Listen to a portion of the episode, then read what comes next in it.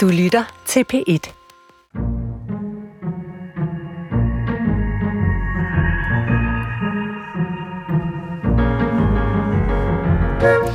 Har du set dem, når de kommer i flok, prostende og sludrende og larmende i fornuftige sko og med små praktiske rygsække? Det er vandrene, jeg taler om. De invaderer den danske natur, så man dårligt kan være i fred, hvis man selv skulle finde på at våge sig derud. Og hvis man så slipper for dem bare et øjeblik, ja, så må man vade rundt i deres efterladte skrald og lorte. For det er faktisk blevet et reelt problem for husejerne nær de store vandreruter som Camønoen og Amarminoen, at folk simpelthen skider på deres grund. Moms. Man kan måske regne ud, at øh, jeg ikke er hoppet med på vandredillen, der for alvor har havet Danmark her under coronaen. Jeg foretrækker nemlig at læse om det vandrende folkefærd, og helst uden fækale detaljer. Og øh, hvad enten du er som jeg, altså en åndsvandrer, eller en mere fysisk vandrer, så kan du komme med på tur i dag i skønlitteratur på P1. Vi skal til øh, USA's skove, vi skal ud på de europæiske grusveje, vi skal til Bulbjerg i Nordjylland, vi skal ud på Amagerfællet, og så skal vi til den radioaktive zone ved Tjernobyl. Så der er altså noget for enhver smag. Jeg er din vært og hedder Nana Mogensen. Velkommen udenfor i det indenfor, de kalder P1. Ja, velkommen til din virtuelle vandretur i øh, radioen. Det her program går altså ikke i dybden med et enkelt forfatterskab, sådan som øh, vi gjorde det i sidste uge. Det er snarere en række små smagsprøver på meget forskellige typer af vandring. Så øh, hvis du vandrer, så kan du måske genkende noget i en af typerne, og øh, hvis du ikke gør, så kan du måske finde inspiration til en ny måde at vandre på. Og det hele er koblet til litteraturen. Hvordan bruger forfatterne vandringen? Det gælder øh, navne som Henry David Thoreau, Madame Nielsen, Dorte Nors og Eirik Gjerstad og min gæst i dag, som er redaktør af en helt ny antologi, der hedder Gå en hyldest til vandringen. Karsten Vind Meihoff, velkommen til. Tak skal du have. Jeg skal også huske at sige, at øh, du er forfatter og forelægger, og det vender vi tilbage til. Men nu ridsede jeg jo op, måske lidt overdrevet, at jeg synes, jeg sådan bliver altså, øh, løbet over ende af disse øh, vanvittige vandrere øh, for tiden. Hvorfor tror du, at folk vandrer så meget sådan lige pt., altså bortset fra det her med coronanedlukningen? Ja, men det er jo rigtigt, ja. der er en, en form for guldalder i gang inden for, for vandringen, og det at øh, gå. Øhm, og jeg tror, der er forskellige årsager til det. Øh, hvis man tager sådan de øh, lavpraktiske, så er der jo sådan et øh, meget, meget stort fokus på sundhed. Øh, folk er jo besatte af at gå 10.000 skridt og have en sund krop og øh, ris- eller, hedder det, risikominimere hvad hedder det, kræft og den slags. Øhm, og det tror jeg er en relativt stor øh, faktor i det her. Øhm, men udover det, så tror jeg måske også, der kan være et, øh, sådan et stille oprør. Altså, der har været, også især under corona, meget, meget øh, aktivitet bag skærmene, øh, stillesiddende aktivitet, øh, og, og, og der er måske sådan et oprør på vej eller i gang, hvor man gerne vil ud og væk fra skærmene, ud og bruge kroppen igen, øh, ud og bruge sanserne igen, ud og tage måske noget af det tabte territorium, øh, man har bevidsthedsmæssigt øh, tilbage, øh, og, og simpelthen opleve øh, natur. Øh, og sammen med det, så er der selvfølgelig en, øh, en meget stor øh, diskussion omkring natur og klima kørende, øh, som gør, at folk i høj grad, tror jeg, gerne vil ud og simpelthen finde ud af, hvad er det for en natur, vi snakker om? Altså, hvad er det, vi er ved at tabe, miste? Hvad er det egentlig, vi snakker om, øh, når, når de debatter kører? Men så er der jo det ironiske i det, kan man sige, øh, at nu her under corona, så hvis man er ude at gå, hvis man bor i København, ja, så kan man gå øh, sådan i parade en tur om søerne, hvor man venter i kø på, at de andre skal gå, ikke? Eller hvis man så går ud på en eller anden vandresti, så kan man jo, øh, som jeg sagde før, vade rundt i, hvad folk har efterladt sig. Så, så det er vel også på en eller anden måde noget, der, jeg ved ikke, tør jeg sige, har taget overhånd, men det er i hvert fald taget en eller anden drejning, der er helt vild. Ja, fordi altså, som udgangspunkt er det jo fantastisk, at folk de kommer ud mere og bruger naturen mere og lærer naturen at kende, altså finde ud af, hvad, hvad ting hedder, hvad hedder træerne, hvad er det for nogle blomster, hvornår noget spiger, og ligesom kommer tættere på den sådan, planetariske situation, vi, vi er i og, og altid vil være i. Øh, omvendt er det jo et dilemma, at de så sviner og, og ødelægger den natur, som de så kommer ud i. Øhm, og, og jeg tror, det Øh, det er måske en uløselig problemstilling, fordi i virkeligheden burde vi måske lade være med at bruge naturen så meget, og simpelthen holde os væk fra den. Når det er sagt, så tror jeg stadigvæk, der er rigtig mange områder, som øh, vi ikke er øh, tæt på. Altså vi går ikke øh, for alvor rundt på heden endnu. Nogle få gør, og nogle få har, har købt vandresko til det, men langt de fleste de bruger de samme steder og flokkes de samme steder. Og så kan man sige, at naturen i den forstand bliver sådan en udvidet øh, parkoplevelse, øh, altså hvor man normalt øh, flokkes i parkerne, øh, og sådan på fældet og i København for eksempel, så går man måske mere øh, ud på øh, Amagerfældet og får lidt mere luft, men det er stadigvæk øh, sådan en form for udvidet parkoplevelse, man har der, tænker jeg. Og inden vi går i gang med sådan selve øh, temaet, så, så altså, vil jeg jo gerne høre, nu har jeg bekendt, at jeg ikke øh, er den store vandrer, og hvis man ser mig altså, i det område, der hedder Hedeland, hvor jeg har kolonihavehus, og jeg har bevæget mig op på en bakke eller sådan noget, så er det altså fordi, jeg er ude og lede efter min hund, der er undsluppet, så er det ikke fordi, jeg pludselig er blevet sådan motionist. Øh, hvad med dig selv? Jamen, jeg er vild med at vandre og vild med at gå. Øhm, og jeg synes, for mig er det primært en, en social ting faktisk. Jeg synes, man, at man taler ekstremt godt med, med venner og bekendte og familie, når man er ude at gå. Um, så jeg, jeg er rigtig vild med det, og har været det i mange år. Um, den bog, vi har lavet, er jo også en form for revideret udgave af en, en bog, vi lavede mm. faktisk for 15 år siden mm. med, med Dansk Vandrelag. Um, og jeg hylder egentlig, at der er meget aktivitet omkring det at vandre, for jeg synes, det er en, en ret positiv uh, aktivitet. Um, men det er klart, at... Uh, at eftersom øh, jeg også har fået børn og familie, så er de vandreture, jeg tager i dag, de er jo mindre, og de minder jo mere om gåture, øh, end, øh, end de der meget avancerede lange hikes, som man kan gøre, når man er yngre. Så ved I det lytter, altså vi har en, en pro-vandrer og en kontra-vandrer i studiet, og lad os øh, øh, så komme i gang. Fordi øh, litteraturen har jo været knyttet til vandring øh, lang tid. Øh, mange danske forfattere har dyrket vandringen, altså H.C. Andersen, Kierkegaard, Jeppe Aukær, af nyere forfattere, så er vi sådan noget som Thomas Boberg, øh, Thijs Ørntoft, og hvis man tænker på byvandringer, eller byvandrere, så er Dan Tyrell jo en stor øh, skikkelse, han er jo også i jeres antologi her. Øh, mere internationalt, altså Patrick Modiano eller Paul Auster, nogen, der vandrer i store byerne. Men øh, vi skal tilbage, meget længere tilbage i historien, til øh, et ikonisk vandre-essay, som er i øh, den her antologi, der hedder Gå. Og øh, Essayet hedder Om at gå, og det er skrevet af den amerikanske forfatter Henry David Thoreau i 1851, og vi skal høre et uddrag af det essay. Det er øh, Tore Leifer, der læser, og det er i Ole Jacobsens oversættelse.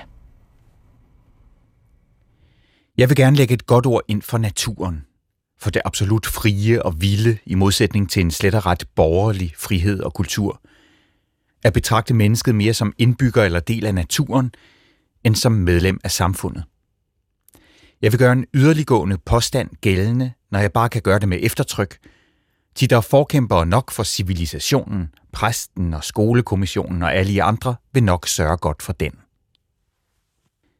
Jeg tror ikke, at jeg kunne bevare mit helbred og livsmod, uden i det mindste fire timer hver dag, og ofte mere end det, at vandre gennem skove og over høje og marker, absolut fri fra alle værslige sysselsættelser. Du kan trygt sige, at jeg vil give dig en penny for at kende dine tanker, eller 1000 pund.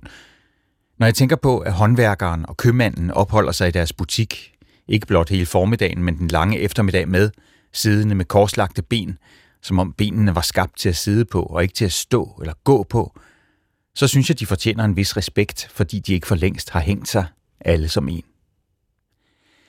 Selv kan jeg ikke holde mig indendørs blot en eneste dag, uden at der sætter sig rust på mig. Og når jeg engang imellem har snedet mig ud på en spaceretur i den 11. time, eller kl. 4 om eftermiddagen, hvor det er for sent at tilbagekøbe dagen, og aftenskyggerne allerede begyndt at blande sig med dagslyset, der har jeg følt det, som om jeg havde begået en synd, jeg måtte gøre bod for. Og jeg må tilstå, at jeg forbavses over udholdenheden, for ikke at sige den moralske sløvhed, hos mine naboer, som spærrer sig inde i butikker og kontorer hele dagen, i uger og måneder, ja hele år i træk. Hvorledes kvinderne holder det ud, begriber jeg ikke. De er jo endnu stærkere bundet til huset end mændene. Men jeg har grund til at tro, at de fleste af dem netop ikke holder det ud. Utvivlsomt har her temperamentet og frem for alt alderen meget at sige. Efterhånden som en mand bliver ældre, øges hans evne til at sidde stille og følge indendørs beskæftigelser. Aftenbøndens fred sænker sig over hans vaner efterhånden som hans livsaften nærmer sig – til han mod slutningen kun kommer frem lige før solnedgang, og på en halv time henter sig al den vandring, han behøver. Men den vandring, jeg taler om, har ikke noget at gøre med det, man kalder at tage motion, ligesom de syge tager medicin til bestemte tider eller sviner med håndvægte og stole. Den er i sig selv dagens egentlige gerning og eventyr. Hvis I vil have motion, så gå ud og led efter livets kilder. Tænk engang på den mand, som står og svinger et par håndvægte for sin sundheds skyld, mens sundhedens kilder springer lystigt på fjerne egne, han aldrig har søgt. Desuden må I vandre ligesom kamelen, der siges at være det eneste dyr, som tykker drøv under gangen. Da en rejsende bad Wordsworths stuepige om at vise sig hendes herres arbejdsværelse, svarede hun, her ser de hans bibliotek, men hans arbejdsværelse er ude i det fri. Ja, her var det Tore Leifer, der øh, læste i Ole Jacobsens oversættelse Henry David Thoreau øh, om at gå fra øh, den antologi, der lige er udkommet på gade, der hedder Gå. Øh, Carsten Windmeyerhoff, hvordan forstår Thoreau det her med at, øh, at vandre? Hvad er han for en vandrer? Jamen, man kan, altså Thoreau er jo en bestemt uh, figur i amerikansk uh, kultur, måske jeg måske bare lige uh, kort nævne. Han er jo uh, en, en filosof og en, og en, en digter, som uh, ikke bliver særlig gammel. Han bliver 44 år og dør i, i 1862. Um, og han er berømt for den her bog, der hedder Walden, mm. som, som uh, handler om en mand, der flytter ud i naturen og lever med naturen og, og de begivenheder, der, der, der sker der. Han er, han er en dyb antimaterialist og en kritiker af vores øh, sådan moderne civilisation i, i midten af 1800-tallet. Øhm, og, og hans øh, syn på vandring er sådan forholdsvis radikalt. Øh, og, og, og den her tekst, som, som vi lige hørte herfra, er jo en form for manifest eller en, en, en traktat over det at vandre på en øh, radikal måde. Og, og det han øh, fokuserer på, er jo selvfølgelig et nyt forhold til, til naturen. Øhm, men ikke bare som en, en, en fritidsinteresse, ikke bare noget, som, som de fleste af os øh, gør en gang imellem, når vi lige skal ud og have noget frisk luft, eller gerne vil gå en tur med en god ven, men som en livsform nærmest, som en livsstil. Øh, og han øh, arbejder jo flere steder med, at man for at kunne vandre rigtigt, må bryde med øh, stat, kirke og familie, og simpelthen øh, gå tilbage i, i, det, i det frie liv og leve der øh, sammen med det vilde. Og det er sådan en forholdsvis radikal øh, position at have. I, i, selv i dag øh, vil det være øh, super radikalt at, at bryde med alle bånd. Øhm, og hvis man ligesom, du ved, løfter blikket en lille smule, så ligger det i romantikken i det hele taget. Han er en del af den amerikanske romantik, at have det her øh, forhold til naturen som noget autentisk, noget mere virkeligt end øh, civilisationen, øh, noget som på en eller anden måde frigør dig fra alle de bånd, der er omkring dig. Øh, og det er i høj grad den position, han også øh, indtager, Thoreau. Og det værk, du nævner, altså Walton, som øh, i øvrigt lige er blevet øh, genudgivet på Gyldendal, øh, det er jo meget sigende, at sådan nogle tekster også kommer nu øh, igen, fordi øh, det kan godt være, at man ikke kan flytte ud i en skov i to år, ligesom han gør ved Walton Pond i, i Massachusetts, øh, og bygger alting selv og lever hvad, nærmest af, hvad han, øh, hvad han jo finder. Men det der, altså, den her drøm om at være ude igen, altså shelterture, jeg hørte, at, øh, at shelterture er nærmest, det er umuligt at få en plads i et shelter, altså fordi der er så mange, der, der gerne vil ud.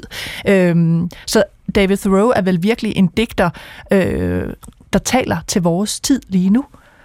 Ja, jeg tror, han, øh, altså man romantiserer jo hans, hans livsform, øh, også fordi den allerede på det tidspunkt er øh, et opgør med det stillesiddende liv. Altså et opgør med en øh, tilværelse, hvor du ligesom er bundet ind i nogle rutiner, som primært foregår i byen. En anden ting, som jeg tror er vigtig at nævne med ham, det er jo, at på det her tidspunkt i 1800-tallet, er der jo også et opgør med, øh, med det, man kan kalde have- eller parkkultur. Altså i, i 1800-tallet, der gik man jo rigtig meget i parker og i haver, og de var typisk inde i byer, eller ved godser, eller ved herregård af en eller anden art. Øhm, og de der ture var jo sådan forholdsvis begrænsede, og de var meget kontrollerede.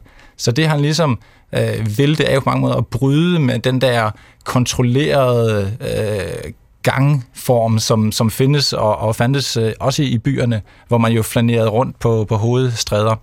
Øh, og jeg tror også hele den der sådan, bykritik, vi kan måske tale om flanøren senere, men den der bykritik, som ligger hos Thoreau, den, den passer også godt ind i vores øh, tid nu. Altså det er et, et opgør med øh, man kan sige, byens rammer, og så øh, et, et liv i det fri i virkeligheden. Så der ligger også en eller anden form for civilisationskritik, altså i den måde, han skriver om vandring på. Altså, så det er ikke bare et essay om at vandre, det er også et essay om, hvad han ikke bryder sig om i virkeligheden. Ja, i høj grad. Altså, han, man kan sige, at nogle af de bedste passager er jo nærmest dem, hvor han øh, sådan beskriver den måde, vi, eller vi, vi, vi lever på normalt. Og, og husk også, at Thoreau, han var jo en, en, en foredragsholder, en stor foredragsholder. Altså, han levede jo også øh, af øh, det at være ude og inde øh, i byen, øh, og ligesom satte de ting i, i perspektiv. Så man kan sige, at den dialektik, der er i hans værk, er måske også det, vi godt kan lide ved ham, altså at det får os til at reflektere over den måde, vi lever på, og den måde, vi har indrettet os på. Um, men jeg tror, det er øh, en vigtig pointe med Thoreau, er, at han i modsætning til mange, som vandrer i dag, Øh, apropos det, vi skal tale om i forhold til Madame Nielsen også, øh, han er jo ekstremt observant over for naturen. Altså han, øh, han, han studerede jo alle former for flora og fauna, øh, og, og var dybt optaget af at tage noter om forskellige øh, naturforhold. Og i Amerika kalder man, man ham naturalist, altså en, der skrev essay om fugle og blåbær og øh, vinter og vejrforhold og forskellige former for geologi og sådan noget. Så han, han er mere end bare en, der vandrer og, og ligesom har et manifest. Han er i høj grad en, en naturbetragter. Øh, og bare lige en sidste kommentar i forhold til Thoreau. Altså hans, hans hovedværk er selvfølgelig Walden. Det udkommer i, i 1854. Men efterfølgende er der jo ligesom øh, begyndt at udkomme øh, hans, hans dagbøger øh, som fylder efter sine 14 eller 17 bind, alt efter hvor man kigger. Og det er sådan 7.000 siders noter, primært fra øh, fra vandreture og fra gåture, hvor han noterer sig de ting, han ser og oplever ned med sådan en form for sådan, øh, præcision, der, der sådan er ud over det sædvanlige. Så han er meget fokuseret på, på den hvad skal man sige, omgivende natur. Ja, altså lurer mig om ikke de her The Road-tekster bliver, bliver bestseller øh, de, de kommende år. Øh, det var det, vi, vi ligesom øh, kan tage om det, men, men du har jo selv øh, bragt den næste på banen, og måske en aftager fra øh, Thoreau, fordi vi skal, vi skal hoppe til en ikonisk dansk vandrer, som ikke er til at komme udenom, og du nævnte øh, hende før, Madame Nielsen. Øh, hun har vandret mange steder i mange år, og en del af hendes vandringer er samlet øh, i den bog, jeg sidder med nu, der hedder øh, Alverdens vandringerne af Madame Nielsen fra øh, forlaget Hermann og Frudit. Vi skal høre et, øh, et uddrag fra den bog lige om lidt, men allerførst så vil jeg gerne spille et lille klip fra dig, øh, for dig fra øh, Kulturen på P1. Det er fra 2015, hvor Madame Nielsen var gæst. Og øh, her der fortalte hun om den vandring, hun foretog i forbindelse med alle de syriske flygtninge, der kom til Danmark. Øh, øh lytterne kan måske huske, at der kom en masse syriske flygtninge op ad, ad, ad vejene med deres pakkenilker. Og øh, det berørte Madame Nielsen så meget, at hun besluttede sig for at vandre deres vandring. Lad os lige høre, hvad hun sagde dengang. Efter et par uger, så tænkte jeg, i løbet af de næste par uger, så tænkte jeg, at jeg bliver nødt til at gøre et eller andet. Og så øh, tænkte jeg, jeg, jeg er glad for at gå. Jeg er sådan en vandrende pind, så jeg tænkte, jamen hvorfor ikke øh, gå, gå den samme vej som de?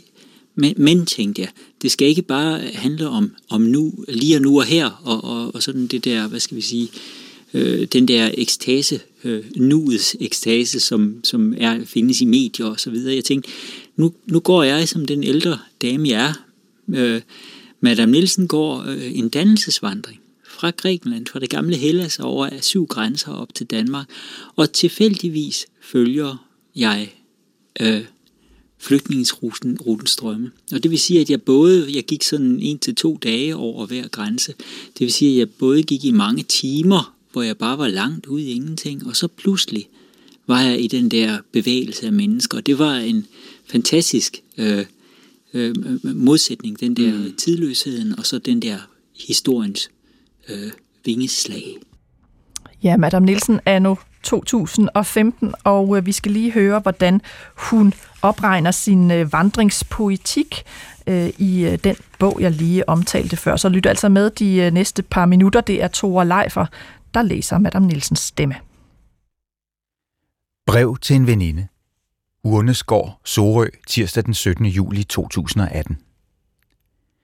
Du søger efter den kvindelige rejsende, kære veninde, og så kommer du til mig.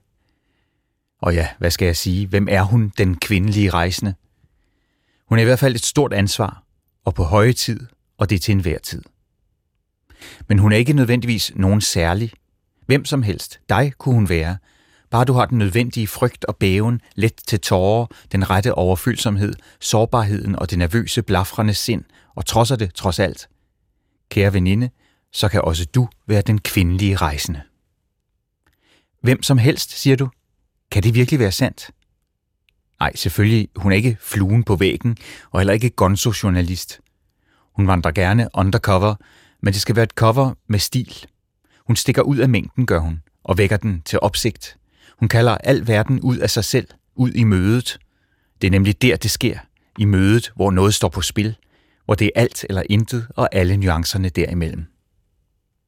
Men først og fremmest er hun ikke den mandlige rejsende. Hun har ikke hår på brystet.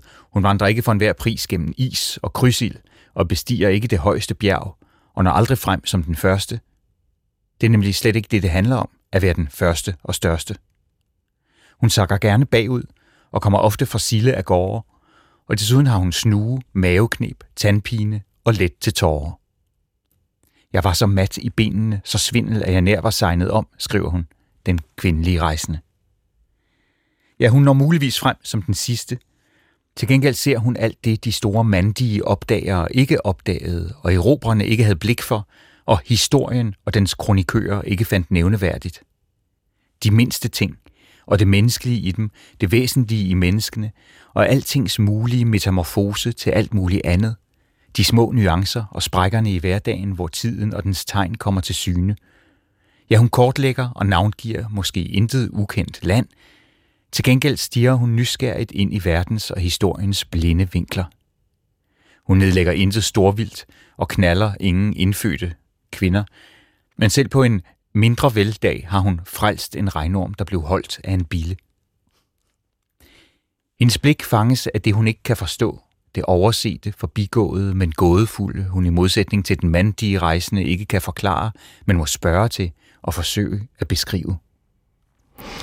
Ja, her er altså lidt af øh, Madame Nielsens øh, vandringspoetik i den bog, der hedder Alverdens Vandringerne, hvor øh, man kan læse mange af Madame Nielsens vandringer, hvor hun øh, har været forskellige steder, altså Frankrig, Tyskland, øh, øh, hun har rejst til Auschwitz, hun har øh, været i Mexico, tror jeg det er, øh, og dele af Afrika, øh, hvor der også er en række billeder, hun får folk til at tage af sig eller af sin øh, læbestift. Øh, Carsten Windmeihoff, hun... Øh, siger her, at, at hun er ikke den store, hvide, mandlige rejsende. Hun er en vandrende pind, der ikke knaller ind, indfødte. Den kan jeg meget godt lide. Hvad Madame Nielsens vandringspoetik, hvad går den ud på? Jamen, umiddelbart så er det jo sådan en, en, en meget, et meget sympatisk projekt, øh, vil jeg mene. Ikke? Og hun laver jo sådan en, en, en stråmand til øh, en, en vandrekultur, som, som er øh, optaget af præstation og, og, og underlæggelse af territorium og, og, og den slags. Og, og den findes helt sikkert. Øhm, øhm, til gengæld så øh, er hun jo optaget af mikrohistorie, af de små fortællinger, af de små møder og, og hele den, øh, hvad skal man sige, periferi, der ligger uden for øh, det centrum, de fleste flokkes i. Øh, så, så det er jo et super sympatisk projekt, og den kan man sige, dramatisering og iscenesættelse, det automatisk er, når, når det er Madame Nielsen, der vandrer, øh, gør også, at der er sådan en attraktion i, i, i projektet, som man, som man gerne vil læse dem. Altså det er nogle, nogle ret øh, fine tekster. Øhm, så hun er jo på en eller anden måde på, øh, på det udgrænsede, på det, på det perifærs side, øhm, og der det bærer teksterne også øh, præg af. Men øh, nu talte vi Thoreau før, altså lægger hun sig lidt i den, i den øh, streng, altså fordi man fornemmer, at der jo også er en vis kritik i den måde, hun taler om vandring på, altså den store hvide mand, der vil komme først og er størst, og måske knaller de indfødte, om jeg så må sige, der kan jo være, øh, hvad skal man sige, en, øh, et vist øh, fingerpege om noget der. Altså er hun også kritisk over for noget? Ja, altså i høj grad. Jeg, jeg tror, hun, hun, hun hvad skal man sige, vemmes ved den øhm, øh, turistby, der ligesom er vokset frem i, i, i mange store byer, og den, den bykerne, som er sådan et franchise-produkt af store kæder, og som er strømlignet i forhold til øh, bestemte hoteller og en bestemt måde at agere på og være på. Øhm, og så idealiserer hun jo ligesom øh, de områder, hvor man i virkeligheden typisk ikke vil se øh, turister, men man må, øh, vil se det lokale, autentiske øh, liv. Øhm, I modsætning til Thoreau, så tror jeg, altså hun er jo ikke sådan rigtig optaget af natur-natur. Øh, indimellem har hun noget, der ligner rigtig natur og sådan oplevelser, som, som man vil se det hos en Thoreau, men hun er meget optaget af, hvad skal man sige, kulturens sådan porøse områder, vil jeg sige. Ikke? Altså forstederne, eller nedlagte områder, eller mærkelige små barer og værtshuse, og øh, sjov lokal mad, og, og, og det er de detaljer, hun ligesom finder liv i, og, og finder øh, attraktion i, og som hun noterer sig, og de håber sig jo op i, i hvad skal man sige, forskellige i grad i de her øh, tekster. Øh, så det er mere der, hun befinder sig, men det der med at bevæge sig ud i et område, som ikke er domineret og kontrolleret af en eller anden form for centralmagt, kan du sige. Øh, det, det, den, den, den abonnerer hun helt klart på. Men hvordan skal man så forstå det, at hun for eksempel, som hun så øh, taler om her i 2015, rejser den samme rute som flygtningen? Altså, der går hun med dem. Hvad er det for en vandring?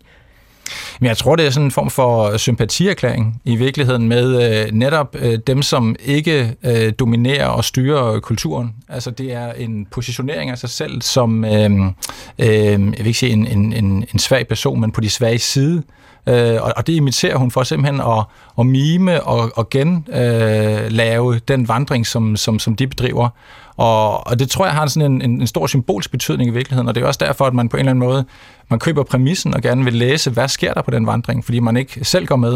Øh, man, man følger øh, typisk med i medierne to minutter her, to minutter der, hun tager ud på vejene, så at sige, og går den rute. Ikke en til en, men en til, hvad skal man sige, Madame Nielsens øh, fokus. Øh, så det, det, tror mere, det er sådan et sympatiprojekt, der så gør, at man får alle mulige forskellige detaljer og viden omkring, hvordan den der rute ser ud. Hvordan skal man så tage det her med, at der jo overalt i den her bog er billeder af hende selv, som hun får øh, folk til at tage? Altså det er ikke bare dokumentation af der, hvor hun er, men der, hvor, øh, altså, det er også dokumentation af hende der, hvor hun er. Ja, altså, jeg, jeg kender jo ikke sådan de, de dybere bevæggrunde for hende, men der er jo også sådan et, øh, et, et meget sådan, øh, tungt selviscenesættende projekt, altså en form for performance, som hele tiden øh, kører. Fordi hun har den her persona, så, så møder hun jo også verden på en bestemt måde, og hun fylder jo også meget i teksterne. Og det tror jeg ligesom er for at og måske aflokke verden en reaktion, en, en, en form for dialog, der ligesom kan opstå, når man, når man har den persona, øh, hun har. Øhm, hvis du gik rundt og, og, og så, hvad skal man sige, øh, ud som en, en vandreperson med, med, en, med, en, med en, øh, en fjeldrevn og hvad hedder det, en vandrestok, så vil der måske være en anden type møde, du vil, øh, du vil få. Øh, så, så jeg tror, det er, det er det her performative element, der ligesom driver det frem. Og her er hun, øh, skal jeg lige sige til lytterne, der jo ikke kan se billederne i sagens natur, altså hele tiden iklædt øh, den her lille øh, røde franske hat, øh, hun har, og så meget, meget rød læbestift og nederdel, og, øh, og sådan øh, på en eller anden måde en slags selskabsjakke, ikke? så det er jo lidt øh, aparte øh, vandreudstyr. Og så skal jeg også sige, at der i bogen jo faktisk er en meget interessant passage, hvor hun opsøger den afdøde digter Claus Bæk Nielsens forældre og bliver inviteret på kaffe. Så der er jo også en form for selvundersøgelse, fordi øh, hun jo tidligere er gået under det navn. Du lytter til øh, skønlitteratur på P1, og dagens tema er vandring i og uden for litteraturen. Mit navn er øh, Nana Mogensen, og nu skal vi høre om en kvinde, der har fundet de helt ideelle vandrestøvler. You keep saying you got something for me Something you call love, but confess. You've been a messin' where you shouldn't have been a messin'. And now someone else is getting all your best. These boots are made for walking, and that's just what they'll do. One of these days, these boots are gonna walk all over you.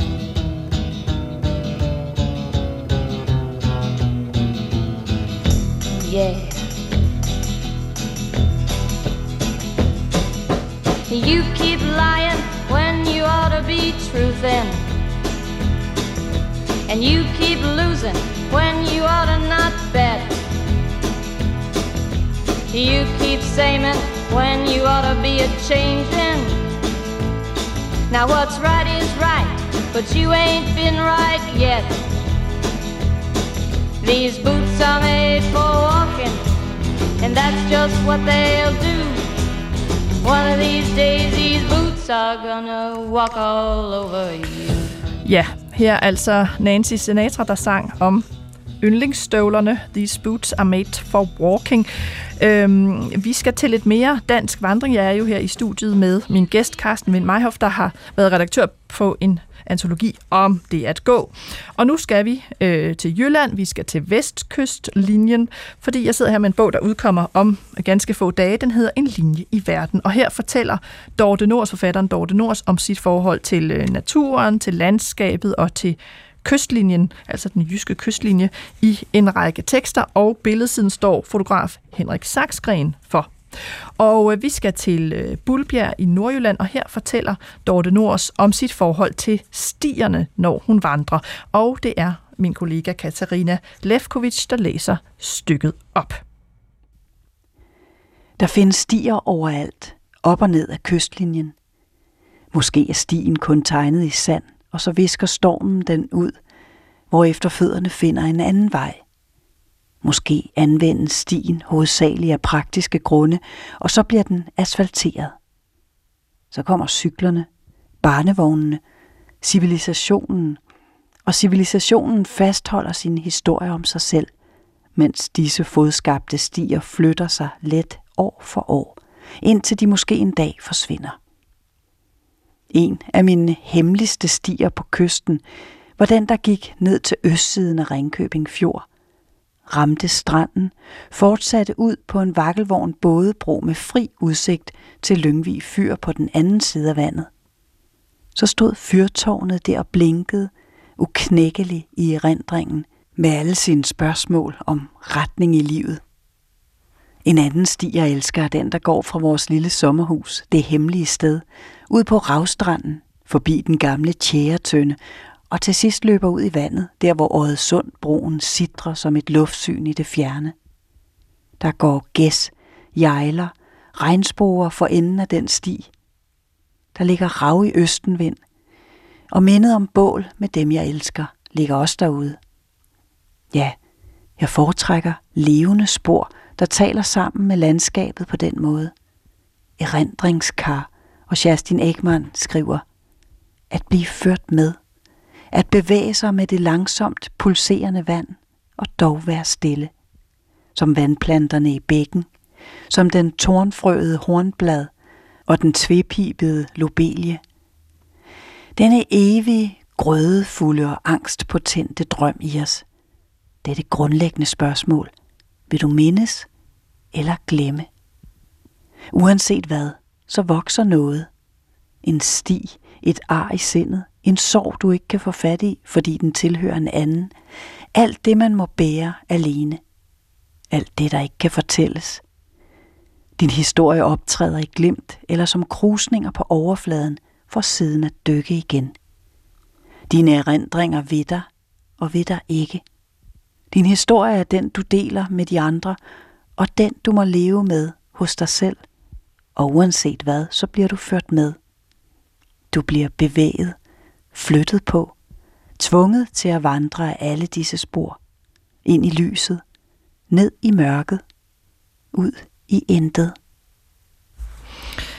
Ja, den her øh, bog, der hedder En linje i verden, udkommer på Gads forlag om et par dage, øh, og du kan høre et interview med Dorte Nors og Henrik Saksgren i Kulturen på P1 i morgen. Øhm, Carsten Windmeier, det her med at vandre på, øh, på en allerede gået sti, og så bare vandre ud i noget, der ikke er en sti. Altså, hvad betyder det for vandring? Man kan jo høre, at Dorte Nors kan bedst lide at vandre af det, der ikke allerede er betrådt. Jamen, jeg tror, det giver en form for, øh, for frihedsoplevelse øh, og en, en form for, hvad skal man sige, åbenhed mod, øh, mod verden og naturen, og, men måske også mod sine egne tanker og erindring. Altså, apropos det, vi talte om i starten, der, der er jo sådan en, en, en vitalitet og en, øh, en, en, hvad skal man sige, noget ukendt, der ligesom åbner sig, når du vandrer. Det er det, der er så mærkeligt. Man ved aldrig, hvad man kommer til at tænke, eller hvad, hvad der ligesom sker, hvad man husker på, når man, øh, når man vandrer. Så der er sådan en potentielt øh, stor inspiration og en, en, en potentielt stor sådan, kreativ åre, der ligger i, i, i at gå.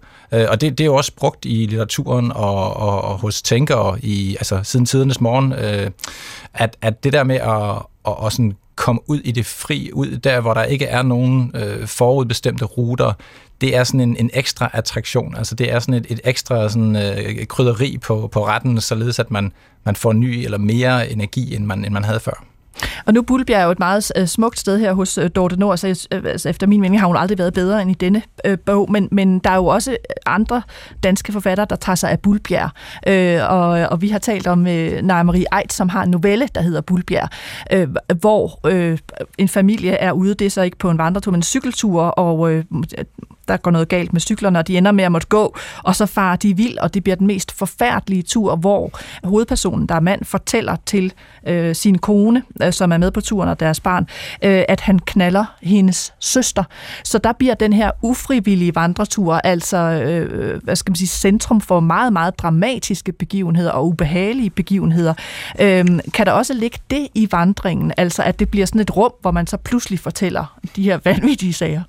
Ja, altså man kan sige, det, det, det, er så måske den vandretradition, som, som der også er, som, som handler om at fare vild, eller og, som handler om at, at, at, at sådan gå, gå forkert, øh, hvor man ender det forkerte sted. Øh, og, og den tror jeg er øh, ret udbredt faktisk, og måske mindre i Danmark, men også i Danmark, men især i sådan et land som, som USA, hvor de har en tradition, der hedder sådan rural horror, altså hvor man ligesom tager den forkerte øh, vandresti, og så ender man ude i sådan et helt land og bliver, ender med at blive, øh, blive øh, slagtet og så videre. Men nej, altså i, i, i selve det der med at fare vild, er der jo en, øh, en enorm energi, fordi når man er presset og ikke ligesom er i kontrol, øh, så, kan man, så kan det enten være en kreativ øh, hvad skal man sige, faktor, men det kan også være en faktor, hvor ens sådan, forsvarsmekanismer og ens sådan, traditionelle øh, værktøjer, de ikke længere fungerer. Og så er det så, at man krakelerer. Øh, og det kan der komme øh, mange erkendelser ud af. Og her er det jo så, at de har et forhold, som, som overhovedet ikke fungerer, og som på en eller anden måde er bygget på, på en løgn, der ligesom kommer fra dagen.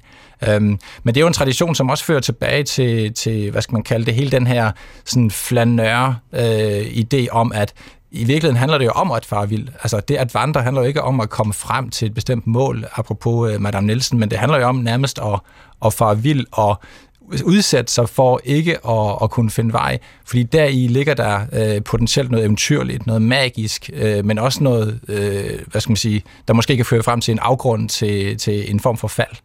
Og her, øh, det her med flanørbegrebet, altså der, det er den her tradition, som også går tilbage til, til den franske digter Baudelaire. Altså det her med for eksempel at gå rundt i en stor by og bare se, hvad åbner der sig af muligheder, og hvor, hvor ender jeg henne.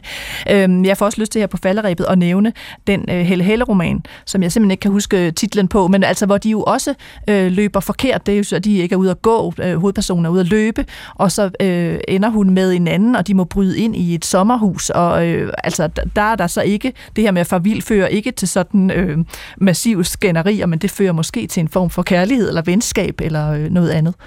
Ja, altså jeg tror, den hedder Hvis det er. Kan det, det ja, det er rigtigt, ja. Øh, men, men der er det jo interessant, at der starter krisen jo en eller anden form for øh, sær romance mellem to mennesker, som hverken kender hinanden, eller sådan til synligheden sådan rigtig har øh, noget for hinanden, men, men det udvikler sig så stille og roligt på sådan en lidt øh, tyst, måske også lidt dunkel måde, til at være sådan en form for romance.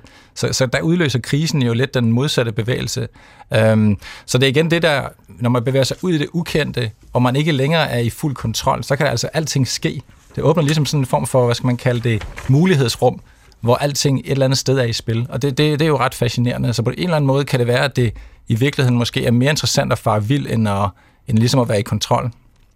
Men nu skal vi i hvert fald øh, ud til en form for kontrolleret tur, fordi vi skal øh, øh flytte os fra Bulbjerg til Amagerfællet, hvor min øh, praktikant Katinka Pol satte forfatteren Eirik Gerstad stævne.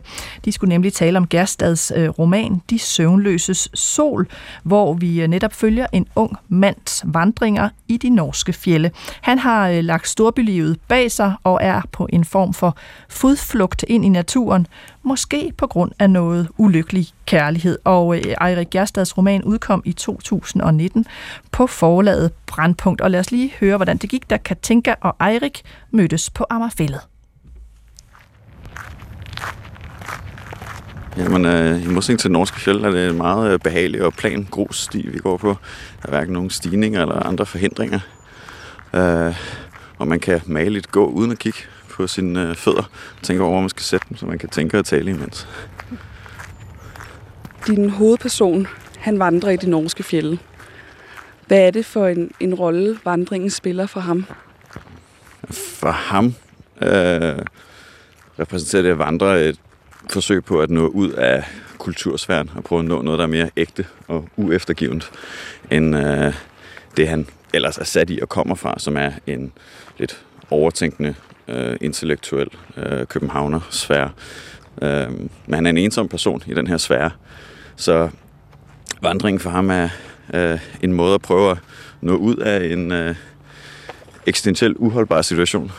At prøve at nå ud til noget, der er mere ægte, noget, der øh, giver mere modstand. Øh, så ja, det er jo måske også derfor, han ikke går sådan et sted som på Amagerfællet, men øh, kvitter alting og tager til Norge for at øh, øh, vandre rundt der. Øhm, hvordan vil du så sige, at, at forholdet mellem den, hvad kan man kalde det, den fysiologiske bevægelse at gå, og så omgivelserne, hvor meget betydning har de forskellige ting for, for hans vandring? Det har meget stor betydning, fordi øh, som jeg lidt allerede var inde på, så vil jeg jo mene, at der i hvert fald var to typer af vandring. Den ene er den, hvor man skal øh, bekymre sig om, hvor man sætter sine fødder. Den anden er det, hvor man ikke skal bekymre sig om, hvor man sætter sine fødder. Og nu er vi for eksempel på en vandring, hvor jeg ikke behøver at tænke over, hvor jeg sætter mine fødder. Øhm, så det er den type vandring, som øh, øh, de fleste øh, filosofer og digter i virkeligheden har øh, haft, når de har sværmet for det at vandre, hvilket ikke rigtig er den type vandring, han er ude på. Fordi det er en type vandring, der øh, gør, at du faktisk ikke kan tænke imens, og det er et forsøg på at prøve at fortabe sig i en praksis, som man koncentrerer sig om i en sådan grad, at man ikke kan gå og filosofere imens, man ikke kan gå og tænke, og man ikke kan gå og være æstetisk nydende faktisk af naturen, alt imens. Der er nemlig det her erindringsspor, man også følger, som, øh, som optræder sådan lidt ja, sporadisk i, i fortællingen også. Hvordan blev de påvirket af den her vandring? Altså bogen er jo skrevet, hvor den fortællende nutid er i Norge, men hvor det, det han mest går og skriver om for sig selv, til sig selv, jo ikke handler om det, han går og vandrer op i Norge. Det handler mest om det, som det, han har forladt, og som han egentlig troede, han kunne øh, kaste af sig. Øhm, så det siger jo noget om, at øh, måske øh, holder han tankerne sådan i ave, mens han går. Men hver dag, når øh, teltet skal slås op, og maden skal laves og så videre, så er det der, hvor at, øh, fortiden ikke lige så let lader sig fornægte. Og det er på den måde en tragedie, en historie om en person, der prøvede at komme ud af en situation og fejlede i det. Er det så forkert at sige, at han, han tager på den her vandring for at flygte fra nogle ting? Ja, altså det er jo lidt øh, uklart for hovedpersonen. Jeg vil også have, det var lidt uklart for læseren øh, egentlig, i hvor høj grad at det er for at komme væk fra noget, eller hvor høj grad det er at komme hen til noget.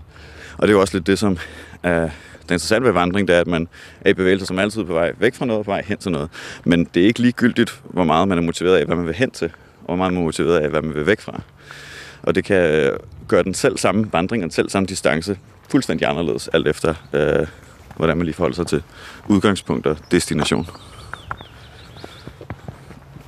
Så vil jeg gerne høre dig lidt om, om dit eget forhold til at, at gå og vandre.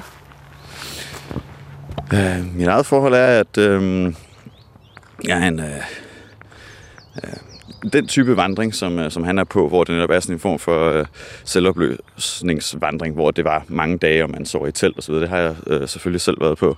Men det er også noget, jeg har skulle kultivere frem, fordi lidt, lidt i stil med min karakter, så prøver han at finde noget, øh, der er ubesmittet af kultursfæren. Men man finder jo hurtigt ud af, når man står der og kigger på landskabet, at man spejler landskabet i mange fortællinger, man har fået, blandt andet fra litteraturen. Men på den anden side mener jeg faktisk også, at der er noget derude, der er ubesmittet af kultur. Du kan faktisk godt få de her oplevelser, der er øh, usproglige og øh, kulturelt ubesmittet. Men der er i den her øh, meditative vandring, hvor du netop ikke kan gå og tænke og tale imens. Hvor du kan blive skønt befriet fra øh, spørgsmål om livets mening osv. Der øh, lader jeg også min karakter på et tidspunkt citere øh, Wittgenstein, som en filosof, jeg godt kan lide. Svaret på spørgsmålet om livets mening findes ved spørgsmålets ophør, når det ikke længere melder sig. Så det er det, jeg tror, at vandring kan. Også for mig, det der med sådan at blive fri for øh, kulturen og nå ja, en anden bevidsthedstilstand. Det var Katinka Pol, der var på vandretur på fælden med Eirik Gjerstad, og øh, hans roman er altså udkommet på forlaget Brandpunkt, De Søvnløses Sol. Jeg er tilbage i studiet her med min gæst, øh, Carsten Vind Meihoff, forfatter, forlægger og redaktør. Og øh, nu er vi, skal vi fra fælden, som jo altså kan være jævnt uhyggelig. Nu skal vi til noget, der nærmest er endnu mere uhyggeligt, og øh, det er den her radioaktive zone omkring øh, atomkraftværket Tjernobyl, fordi i en ny bog, så rejser fortælleren øh, dertil. Den hedder Herzogs sidste dage, og øh, den er skrevet af dig, Karsten. Ja. Og øh, der er billeder af Asmund Havsten Mikkelsen. Den hedder som sagt Herzogs sidste dage, og den handler om øh, en hovedperson, der rejser med den tyske filminstruktør Werner Herzog til den her radioaktive zone omkring Tjernobyl-værket, fordi der vokser nogle særlige svampe, som måske kan kurere den sygdom, Werner Herzog øh, lider af. Det er den skøreste vandrebog, jeg har læst. Jamen, det er jeg glad for, at du siger. Øh, fordi en af de øh, ambitioner, øh, jeg havde, eller vi havde med at lave den, var, at vi måtte bestemt ikke øh, kede øh, læseren. Øh, fordi der er, og, og det er jo apropos vores tema i dag, der er rigtig mange sådan halvkedelige vandrebøger, øh, for at være helt ærlig. Øh, I hvert fald i mine øjne, hvor der ikke rigtig sker det store, men hvor man er ude, og man ligesom bruger øh, vandringen som øh, indholdet i sig selv. Og, og der vil jeg sige, der, der synes vi, der skulle en lille smule mere øh, tryk på. Skal vi ikke prøve at høre et stykke fra den, så lytterne kan forstå, hvad, hvad er det? Altså, der er den her tur, fortælleren er på, og, og nu er de så kommet ind til den by, der hedder øh, Pripyat, som man ligesom skal have øh, en guide med til. Det er jo en lukket radioaktiv zone. Og der, der står de og, og kigger ud over byen. Ja, jeg skal måske bare lige sige, inden vi læser, hvad hedder, at øh, altså Pripyat var jo den by, hvor øh, de fleste arbejdere og deres familier boede, øh, som, som øh, hørte til øh, atomkraftværket, øh, øh, inden det gik galt der i 86.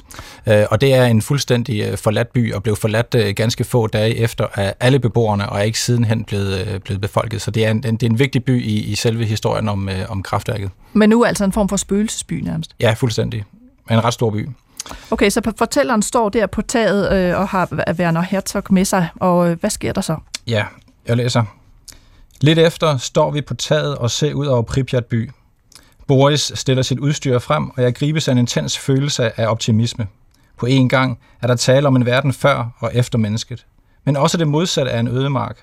Træerne og buskene er de egentlige indbyggere. Overalt skyder de op, uvidende om fortiden og mennesket.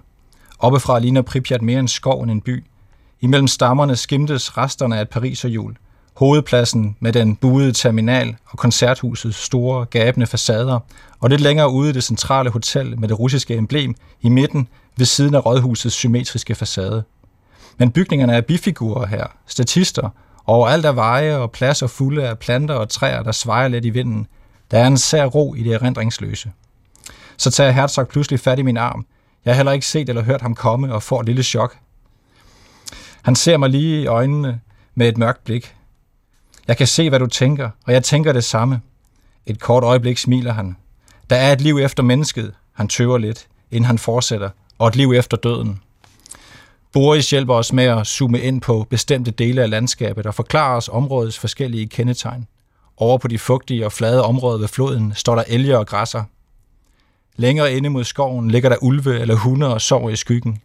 Overalt svæver der rovfugle rundt i bløde cirkler, og duerne flyver fra træ til træ. Herzog er begejstret. Boris nikker mildt. Så får han øje på store ture og gør opmærksom på, at skovene omkring byen har store forekomster af myrer og termitter. De næste timer bruger vi på at undersøge nogle bestemte områder i udkanten af Pripyat.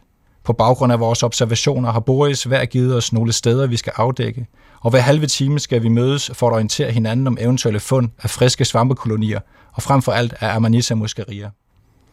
Officielt er vi på besøg i Pripyat som turister, men aktionen går ud på at undersøge bestemte bygninger, hvor der tidligere har været kolonier eller åbne områder i eller omkring byen. Boris giver os alle tre nogle instrukser, og så skilles vi og går hver i vores retning. Efter nogle minutter alene forvandles den første frygt over at være alene i zonen til en behagelig ro. Jeg er rhetoric, tænker jeg. Nu er jeg rhetoric.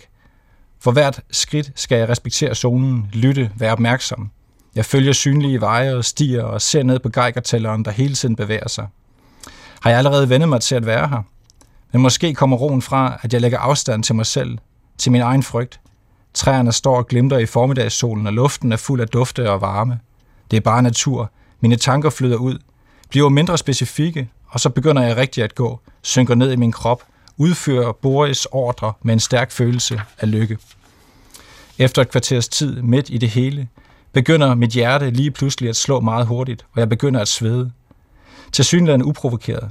Jeg kan ikke se eller høre noget andet end landskabet. Alligevel går jeg ned i knæ og sidder helt stille for at orientere mig.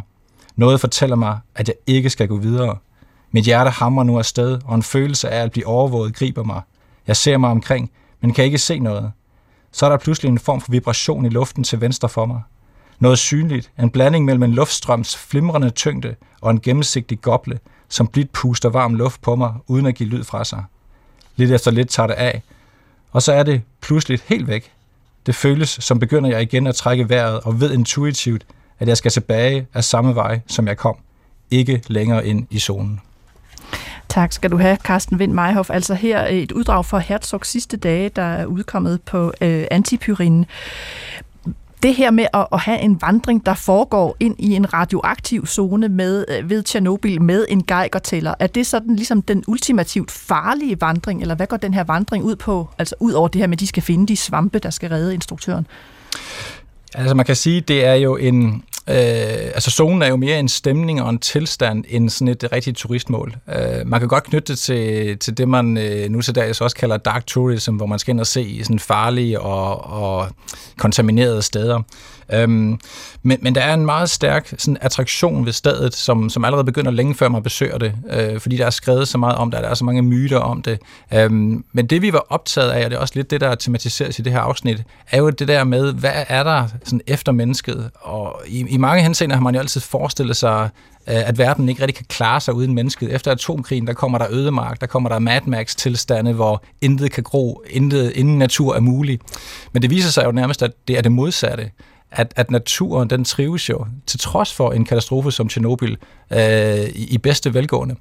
Øh, og det er jo på mange måder ret skræmmende. Det, det, det er sådan en, en, en ret sådan men en, hvad skal man kalde det, men det er en ret sådan intens øh, oplevelse at, at, at, at stå i, i sådan en vild natur, der på en eller anden måde er, er sådan kommet frem efter katastrofen. Men samtidig må det jo også være en meget skræmmende oplevelse, fordi man jo har geigertæller med sig, og man hele tiden øh, overvejer, hvor meget stråling kan jeg tåle. Altså, der er jo nogle regler for det. Øhm, at, at det. Er det også en del af suspensen, altså at det er farligt på en eller anden måde?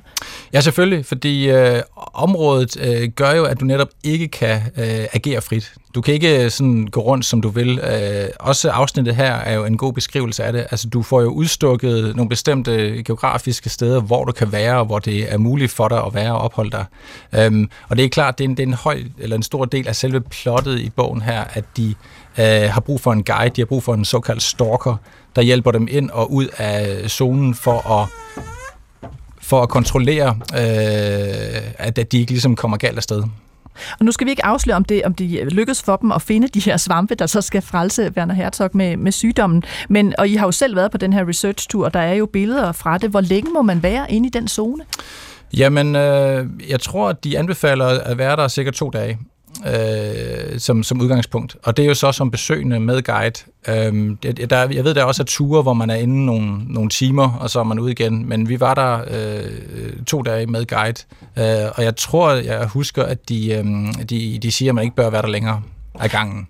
Der bliver også nævnt et sted i bogen, at der er grupper af unge, som laver sådan nogle uortodoxe øh, og ukontrollerede ture ind, altså som så udsætter sig fra, for radioaktiv stråling. Og nu skal vi jo ikke tale vandretrends som sådan, det, det kan du måske dårligt sige noget om, men kunne, det, kunne du forestille dig, at det her var altså det nye inden for vandring, at man simpelthen udfordrer sig selv og sit liv og alt muligt ved at rejse steder, der er meget, meget, meget farlige, eller vandre steder, der er meget farlige. Ja, sagtens. Jeg tror allerede, det er i fuld gang. Altså øh, for eksempel sådan også urban exploration, hvor man klatrer op i høje huse, eller besøger steder, som er øh, ruinøse og, og dermed, derfor farlige at være i. Øh, men altså helt konkret der i, øh, i eksklusionszonen, som jo er enormt stor, der er der jo et, det er jo et vildt naturområde, og der er jo masser af, af, af hvad hedder det, lokale unge især, som, som bevæger sig ind om natten især, fordi det er jo et patruljeret område, hvor der er, er politi og militær, øh, og, og ligesom laver forskellige sådan, ritualer, eller hvad skal man kalde det, manddomsprøver, eller den slags, øh, hvor man ligesom udfordrer hinanden til at gøre åndssvage ting. Øh, så det kan jeg sagtens se for mig. Jeg er sikker på, at det allerede eksisterer i, i vidt omfang. Og med de ord, øh, Carsten Wittmeier, så, øh, så må vores tema om vandring slutte. Jeg kan øh, anbefale den her Herzog sidste dage, som er en, en skør, vild øh, bog om vandring og mange andre ting. det har været en fornøjelse at have dig med. Tak fordi jeg måtte. Så skal jeg sige, at øh, skønlitteratur på P1 er ved at være slut for den gang. Jeg fik hjælp af Katinka Pol og Steffen Klint. Jeg var din vært og hedder Nana Mogensen, og du kan altid skrive til mig på litteratursnablag.dr.dk. I næste uge holder jeg lidt læseferie, og så er min gode vikar Alberte Clement Meldal øh, på pinden. Hun fortsætter sin serie om det danske akademi, og vi er nået til Søren Ulrik Thomsen. Jeg er tilbage igen den 19. i 5. med et tema om danske videnskabskvinder i litteraturen. Øh, det skal blandt andet handle om Inge Lehmann og Marie Hammer. Vi går ud på øh, lidt mere vandremusik. Her er det Patsy Klein, der går rundt efter midnat. Vi høres ved.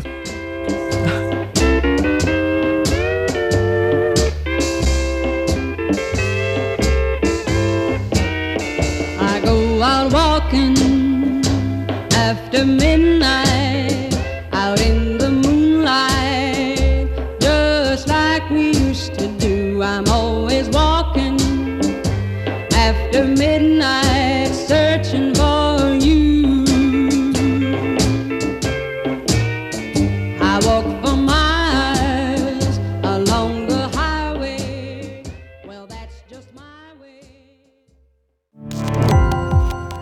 Gå på opdagelse i alle DR's podcast og radioprogrammer. I appen DR Lyd.